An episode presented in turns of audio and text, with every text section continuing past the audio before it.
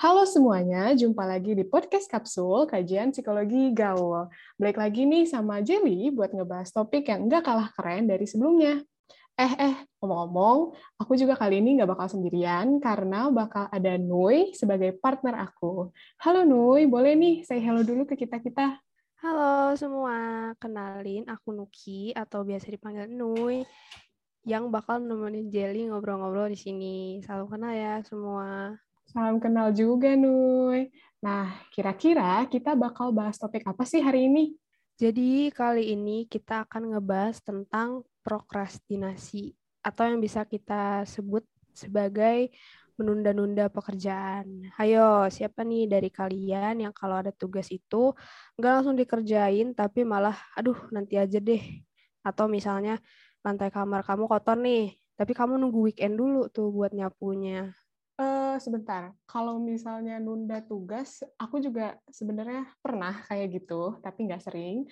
Tapi kalau misalnya nyapu lantai kamar yang kotor itu sampai nunggu weekend, itu kayaknya aku nggak pernah deh. Soalnya kayak gimana ya? Kan itu numpuk ya debunya. Jujur kalau aku nggak tahan kalau lihat kamar yang kotor gitu, Nui. Nah kalau kamu kayak gimana?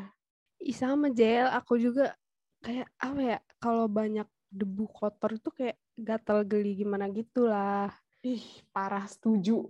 Oh iya, BTW nih Nui, aku juga pengen nanya. Kalau misalnya nih, nunda-nunda pekerjaan karena lagi sakit gitu, itu jatuhnya prokrastinasi juga nggak sih? Nah, ternyata nggak semua kegiatan menunda itu bisa dibilang prokrastinasi, Jel. Nih, contohnya nih kalau kayak uh, misalnya kita lagi sakit nih, atau ada hal mendesak lainnya, mm -hmm selain nyapu kamar gitu atau ngerjain tugas, itu wajar aja buat ditunda gitu. Makanya itu bukan disebut sebagai prokrastinasi. Aduh, agak belibet ya.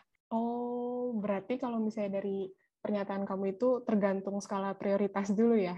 Mm -mm, bener banget. Oh, Oke. Okay. Oh iya, BTW nih, guys, aku sama Jelly hmm? di sini nggak berbang loh.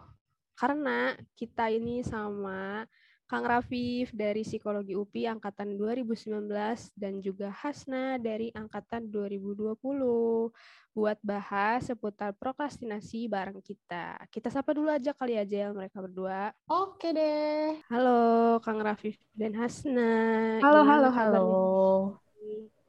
Hai Nuki, hai juga Jelly. Hai Kak. Hai semua pendengar. Pendengar nggak? Mantap. Hasan mana? Eh, Hasna maksudnya, maafin. Halo, halo, halo Nuki, halo Jelly, halo Kang Rafif, halo semua, apa kabar nih? Halo. Alhamdulillah. Alhamdulillah, baik. Oke, sebelumnya mungkin uh, Kang Rafif sama Hasna ini bisa kenalan dulu kali ya sama teman-teman semua. Uh, dimulai dari Kang Rafif dulu, silahkan Kang. Oke, hai semua. Tadi yang kayak udah dikenalin juga, kenalin nama aku Rafif uh, dari psikologi 2019. Uh, uh, selanjutnya Hasna, silahkan memperkenalkan diri. Hai semua, nama aku Hasna dari Psikologi UPI 2020. Wih, kemarin Yeay. kemarin uh, dengar-dengar katanya habis jadi MC ya, Hasna ya? Hmm, dengar dari siapa tuh? Soalnya aku kan hadir. Kamu selalu mensupport aku ya. Oh iya dong. Udah lanjut Nui. Oke, terima kasih Kang Rafif dan Hasna. Seneng banget nih rasanya aku bisa ngobrol bareng sama kalian. Ngomong-ngomong, Kang Rafif dan Hasna ini termasuk golongan mana nih? Golongan yang setiap ada tugas langsung dikerjain hari itu juga, atau golongan ah nanti dulu deh, mau lihat-lihat Instagram dulu. Nah, kita mulai dari Kang Rafif dulu deh. Kira-kira, duh, Kira-kira Kang Rafif golongan yang mana nih? Tiba-tiba tadi nanya golongan, aku malah mikir golongan apa nih? Golongan orang-orang mukmin apa gimana? Ternyata tidak iya. ya. Bukan gitu Kang konsepnya okay. kamu. Jadinya podcast agama kalau golongan orang mukmin. Nah, kalau golongan prokrastinasi sendiri, aku bisa dibilang termasuk yang suka melakukan prokrastinasi atau penundaan tersebut gitu. Jadi ya, hmm. ya itulah golonganku. Mantap, golongan. Nah, kalau misalnya Hasta sendiri kayak gimana nih? Golongan apa? Kalau aku sih sama juga sama kayak Kang Rafif. Menunda-nunda itu adalah jalan ninjaku, bos. Keduanya dari sekte menunda nih ya berarti. Nah, aku mau nanya nih, sejak kapan sih kalian punya kebiasaan menunda-nunda gitu? Dari aku dulu atau dari Kang Raffi dulu nih, Kang? Boleh, Hasna dulu, Hasna. Oke, kalau aku itu kayaknya prokrastinasinya dari SMA deh. Kalau Akang dari kapan nih? Nah, tiba-tiba ngambil alih kerja MC ya, tapi nggak apa. Kalau aku hampir sama kayak Hasna, emang udah dari SMA dan udah, ya dari SMA sih, mulai menunda-nunda. Menunda-nundanya berarti eh, nggak nggak cuma ngerjain tugas aja dong. Kayak pasti ada ada ada hal lain lah yang ditunda. Bener gak? Pasti sih itu jawabannya. Oke. Menunda-nunda move on nih dari doi. Oh, ala curhat ya, Waduh, waduh. curhat. Oke, tapi menurut kalian ya, penting nggak sih eh, terkait dengan menunda-nunda ini hubungannya sama dukungan sosial? Misalnya kayak gini nih, kalau misalnya kalian dapat support system dari lingkungan sosial kalian tuh, nah bisa aja datangnya dari teman, dari sahabat, dari orang tua, atau mungkin dari pacar. Nah, itu tuh eh, bikin kalian termotivasi untuk nggak nunda-nunda pekerjaan atau malah sebaliknya. Boleh dari Hasna dulu mungkin? Gantian sekarang? Oke, kalau dari aku, hmm, gimana ya? Kalau aku itu kalau disemangatin nih, malah jatuhnya jadi jadi makin males gitu. Soalnya kayak kesannya tuh dipaksa gitu. Jadi kalau disemangatin malah, ah udahlah makin nunda. Oh gitu. Gitu dari aku. Berarti kalau cinta terpaksa juga nggak suka tuh kamu? Iya, Waduh, cinta terus. Iya, aku mah masih kecil. Oke, kalau Kang Rafif sendiri gimana, Kang? Nah, kalau dari aku itu nggak berpengaruh sih karena aku emang tipe orang yang bergerak dari diri sendiri gitu konsepnya. Jadi Mantap. mau orang-orang di luar sana. Kalau tadi kan eh, contohnya ada teman-teman, pacar kebetulan karena emang Hmm. nggak ada, jadi ya siapa juga yang mau nyemangatin gitu ya. Jadi ya mari eh, bersandar pada diri sendiri aja kalau aku konsepnya. Jadi semua dari diri sendiri. Kang sebenarnya kalau boleh curhat, aku juga senasib sama Kang, cuman aku tidak punya kepercayaan diri untuk bersandar pada diri sendiri. Hmm. Itu jadi kayak ya sedikit relate tapi tidak terlalu relate gitu ya, Kang. Oke, Jel, kamu bisa kok nyandar di pundak aku. Oh my God. Tuh, Kang. Mau nggak, Kang? Yang dari di pundaknya Nuki, Kang. Boleh, boleh. Aku pundaknya panjang, boleh. Siapa Ya, aja. panjang nggak tuh? panjang banget tuh juga kayaknya agak nggak berpengaruh ya. Maaf, aku ketawa. Oke.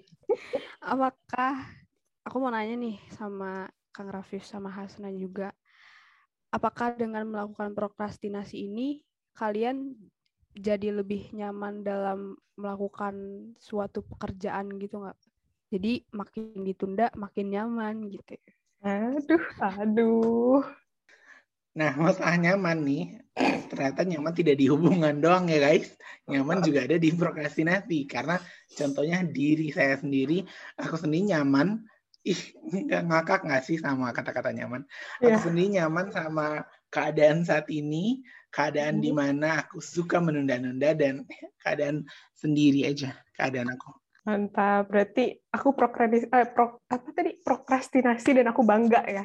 Betul, betul. Itu Mantap. hashtag. Jadi Iya, kayak aku prokrastinasi dan aku bangga sih. mantap. Gimana kalau misalnya Hasna nih, gimana? Apakah senasib? Kalau aku sih eh, ngelakuin prokrastinasi ini nyaman gak nyaman ya, karena ketika aku prokrastinasinya itu sampai jauh-jauh hari gitu, misalnya Hamin satu, itu tuh aku malah jadi kayak rusuh sendiri, tapi waktu di awal-awal juga aku tuh nggak mau ngelakuin juga gitu. Jadi akunya aja itu yang ribet sendiri. Oh, jadi kadang nyaman, kadang enggak begitu. Iya banget. Oke. Berbeda banget ya sama pendapatnya dari Kang Raffi. Hmm, Berarti hashtag aku prokra- prokrastinasi dan aku bangga itu nggak bisa diaplikasikan oleh Hasna. Betul nggak? Betul. Gak apa Nah, nanti bikin hashtag sendiri lagi aja.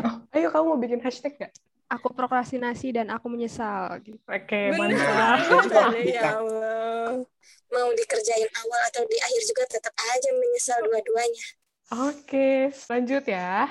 Nah, aku tuh pengen nanya nih sama Kang Rafif, sama Hasna, sama Nui juga boleh deh. Nah, menurut kalian, uh, kalau misalnya menunda-menunda pekerjaan ini tuh ada hubungannya nggak sih sama stres? Misalnya nih, kalau misalnya kita nunda, kita malah jadi stres, atau kebalikannya gitu. Kalau kita nggak nunda, kita malah jadi stres gitu. Ada yang mau kasih jawaban ke aku? Nah, kalau masalah stres ya, sebenarnya jawaban aku hampir sama, bukan hampir sama sih, berhubungan sama yang poin sebelumnya.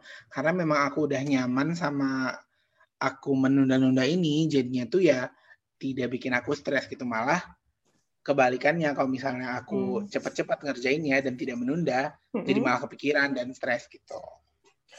Oke, kalau misalnya dari Hasna sendiri gimana?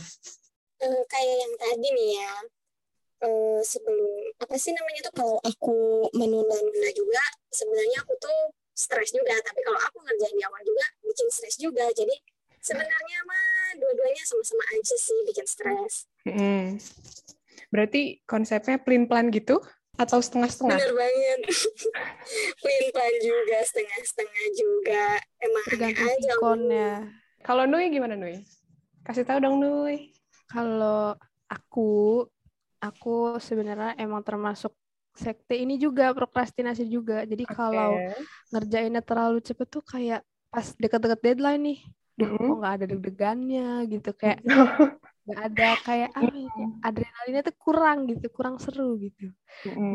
enggak sih maksudnya tuh kalau stresnya itu uh, paling di ini aja sih kalau misalnya aku terlalu nunda banget sampai benar-benar hari hari deadline aku belum ngapain itu baru stres terus kalau misalnya kayak keteteran itu baru stres gitu jadi tergantung sih kalau aku gitu kalau Jelly gimana Jel kalau aku sebenarnya uh, kan tadi Kang Rafif sama Hasna tuh bilang dari SMA kan ya.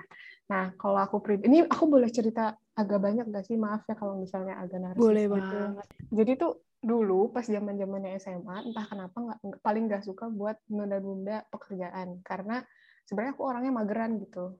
Jadi pengennya tuh cepet-cepet selesai gitu. Kayak nggak mau nunda-nunda. Jadi di akhir tuh aku tinggal rebahan santai segala macam. Tapi nggak tahu kenapa sejak masuk ke dunia perkuliahan ini awal-awal tuh semester pertama masih ambis gitu. Masih kayak ayo uh, kerjain tugasnya di awal gitu. Tapi semakin ke sini entah kenapa mungkin ya mungkin udah siklusnya mahasiswa nggak sih kayak gitu. Jadi kalaupun misalnya nih deadline-nya tuh bentar lagi tapi ya udah kayak santai aja. Kayak ya udahlah kerjain mah kerjain aja gitu. Tapi itu cuma berlaku sama tugas sih kalau misalnya kayak tugas kuliah maksudnya.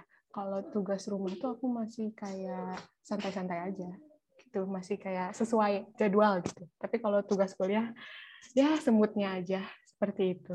Kira-kira kalian kayak gitu juga nggak? Iya sih sama. Kalau tergantung mood sih intinya gitu.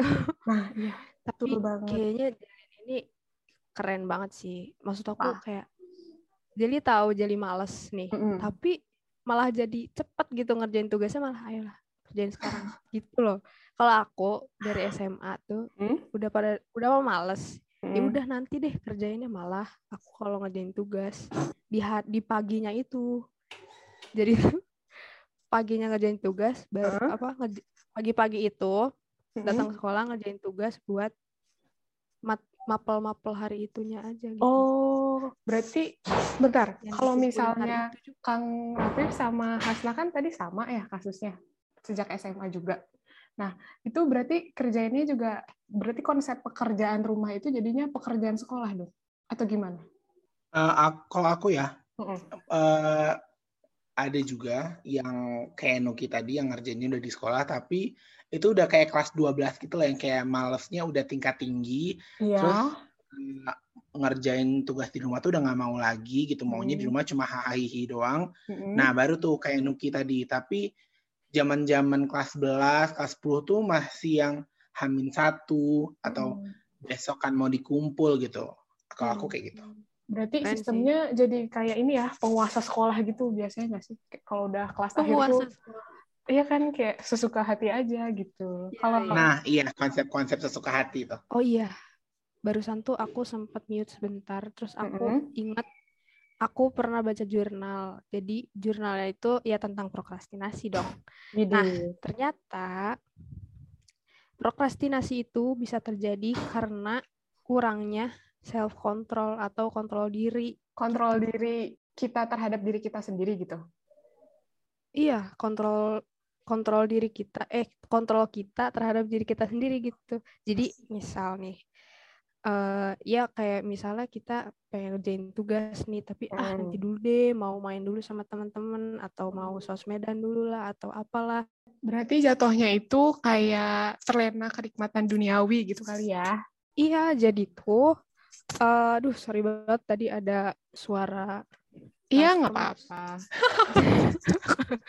jadi jadi tuh si si kontrol dirinya itu maksudnya nih, nih kalau misalnya kita apa ya kayak menunda untuk ngerjain sesuatu yang gak penting itu kan hmm. kita yang atur diri kita sendiri gitu kan. Iya. Kita yang nyuruh badan kita untuk gimana gitu-gitu hmm. deh. Berarti jatuhnya kalau self control aku sekarang sedang menurun. Benar benar atau enggak? Atau relatif nih jawabannya? Uh, bisa jadi. Iya bisa jadi jadi bisa jadi apa iya bisa jadi sih kayaknya relatif deh tergantung ininya sih kalau misalnya kamu uh, cuma males ngerjain tugasnya aja tapi ngerjain hal yang eh maksudnya melakukan hal yang eh ngelakuin hal-hal lainnya masih ada effort ya beda lagi itu mah kalau menurut uh, Kang Rafif dan Hasna gimana Kang Rafif dulu deh masalah apa nih kontrol diri tadi iya Uh, aku setuju sih sama yang Nuki bilang tadi dari jurnal itu, mm-hmm. karena kalau dipikir-pikir jadi bukan eh, harusnya kita yang ngontrol diri kita buat apakah harus ngerjain atau enggak, tapi mm-hmm. karena malas tadi, karena suka nunda-nunda tadi, jadi mm-hmm. kita dikontrol sama keadaan itu kan, jadi kayak kontrolnya hilang gitu. Kita tuh jadi tidak bisa mengontrol diri sendiri. Makanya benar juga kalau kita suka menunda-nunda, tandanya hmm. self controlnya rendah kan, karena tidak bisa yeah. mengontrol diri sendiri. Oke. Okay. Ih, kayak paham banget gak tuh? Oh, iya, emang kan nggak apa-apa kan lebih jago dibanding kita. Setahun doang. Oke, kalau dari Hasna sendiri gimana nih? Kalau aku setuju juga sih apa tadi kata Kang Rafif sama kata Nui karena emang ngerasa sih kalau makin tua tuh si self controlnya tuh makin nurun ya. Masih dirinya tuh malah dikontrol sama rasa males. Padahal udah tahu bentar lagi deadline tapi masih aja nunda-nunda.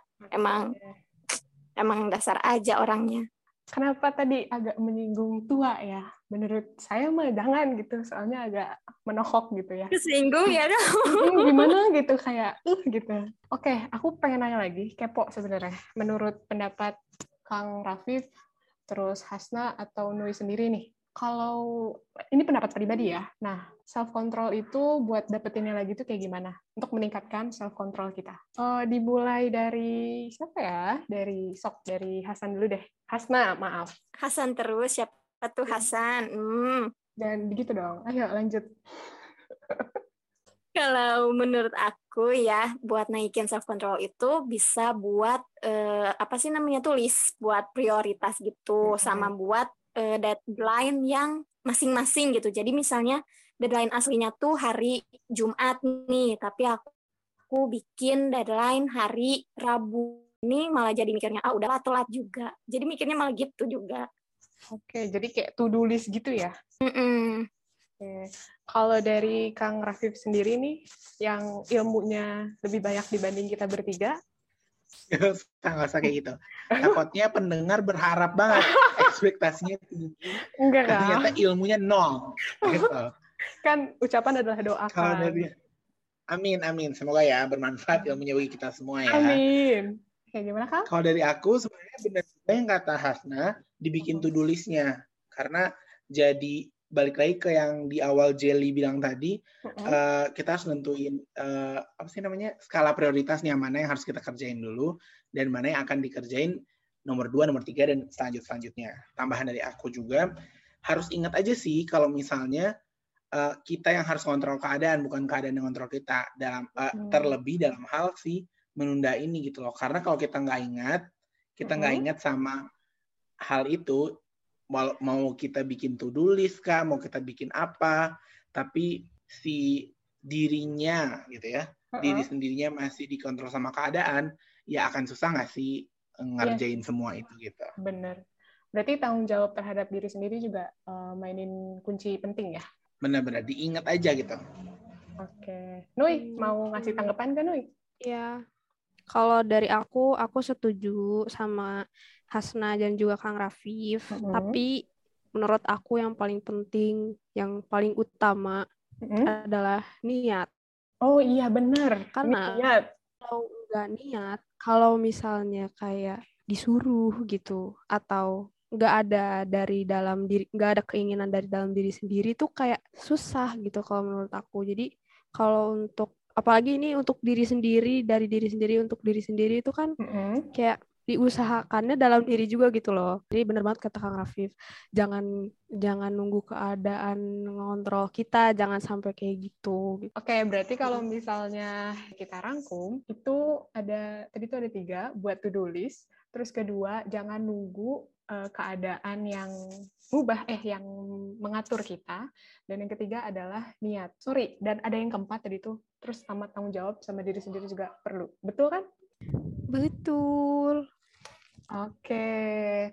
Oh iya, Nui, ternyata kita itu udah banyak banget ngobrol sama Kang Rafif sama Hasna juga. Sampai nggak kerasa kalau kita itu udah ada di penghujung acara nih. nggak kerasa gitu waktunya. Mungkin karena udah terlanjur nyaman kali aja kita. Ya Allah, asik Nui, bisa aja dia mepetnya. Nah, Oke. Sebelumnya, terima kasih banyak juga ya buat Kang Rafif dan Hasna karena udah bersedia buat luangin waktunya untuk sharing sama kita tentang prokrastinasi ini. Mm-mm, tepuk tangan dulu buat kita semua. Yuhu. Terus eh, kira-kira ada kata-kata terakhir gitu, bukan karena wasiat ya, tapi kata-kata terakhir gitu untuk pendengar dan mungkin kita semua yang ada di sini. Silakan dimulai dari Kang Rafif dulu. Nah, kalau dari aku sendiri ya, ini buat ngingetin diri aku, juga buat pendengar dong pastinya. Eh, diingat aja, eh, sebenarnya emang nggak semua hal termasuk prokrastinasi kayak yang dibilang Nuki di awal tadi juga kan. Tapi Iya. Eh, kalaupun mau melakukan penundaan, diingat dulu apakah alasan kita melakukan penundaan itu jelas. Apakah emang benar-benar harus ditunda gitu. Dan apakah kalau misalnya kita mau melakukan, eh, apakah kalau nantinya kita menunda si pekerjaan ini, pekerjaan ini tuh akan selesai gitu. Nah, ditimbang dulu tuh, ih ditimbang atau Mantap dulu. emang. eh, hal-hal tersebut, hal yang tadi, kalau misalnya ternyata, oh alasannya jelas gitu, atau oh ternyata nanti kalau misalnya eh, ditunda pekerjaannya tetap Mm-mm. bisa selesai nih tepat waktu, misalnya atau eh, deadline-nya masih lama dan segala macamnya, ya udah nggak apa-apa gitu. Kerjain yang jadi skala prioritasnya dulu gitu. Tapi intinya jangan sampai merugikan diri sendiri, merugikan orang lain gitu, karena ya nggak baik jadinya gitu. Oke, jadi eh, sebelum menunda harus tahu dulu konsekuensinya juga gitu ya, Kang. Betul, betul, betul. Oke. Kalau dari aku sih, aku eh, setuju banget ya sama tadi yang kata Kang Rafif sama Nuki bilang. Katanya eh, kalau mau pro- prokrastinasi itu harus tahu juga konsekuensinya dan juga jangan Hmm. sampai bikin alasan-alasan yang gak jelas gitu buat prokrastinasi karena nanti di akhir tuh yang bakal eh, stres, yang bakal pusing tuh kita sendiri gitu. Oke, intinya jangan merugikan diri sendiri ya, karena diri sendiri. Oke, sekali lagi terima kasih banyak buat Kang Rafif dan Hasna atas kata-katanya yang sangat luar biasa. Dan kita juga mau bilang makasih ya Nui sama teman-teman yang udah mau dengerin kita. Semoga Betul apa banget. yang kita sampaikan bakal ngasih manfaat buat kita semua. Amin, benar banget. Pokoknya ya guys, di mana pun kalian berada, semoga kalian akan selalu diberi kesehatan dan juga kebahagiaan. Amin. Terus ingat juga ya, jangan keseringan nunda-nunda pekerjaan. Kalau nggak kalau nggak tahu konsekuensinya, jangan sampai nanti kelimpungan sendiri di akhir ya. Yuk, bisa yuk sedikit-sedikit mulai dicicil kerjaannya. Mantep, Nui. Emang paling bijak. Nah, sebelum aku tutup podcast kali ini, jangan lupa ya follow IG BEM Kema Psikologi UPI di @bempsikologiupi supaya kalian nggak ketinggalan konten-konten menarik lainnya. Nantikan juga episode lain dari podcast podcast kapsul lainnya, maaf, dengan topik yang nggak kalah menarik dari hari ini. Jelly dan Nui pamit undur diri. Sampai ketemu lagi di podcast selanjutnya ya. Salam gaul. Sobat Kapsul, dadah. Dadah. Ah.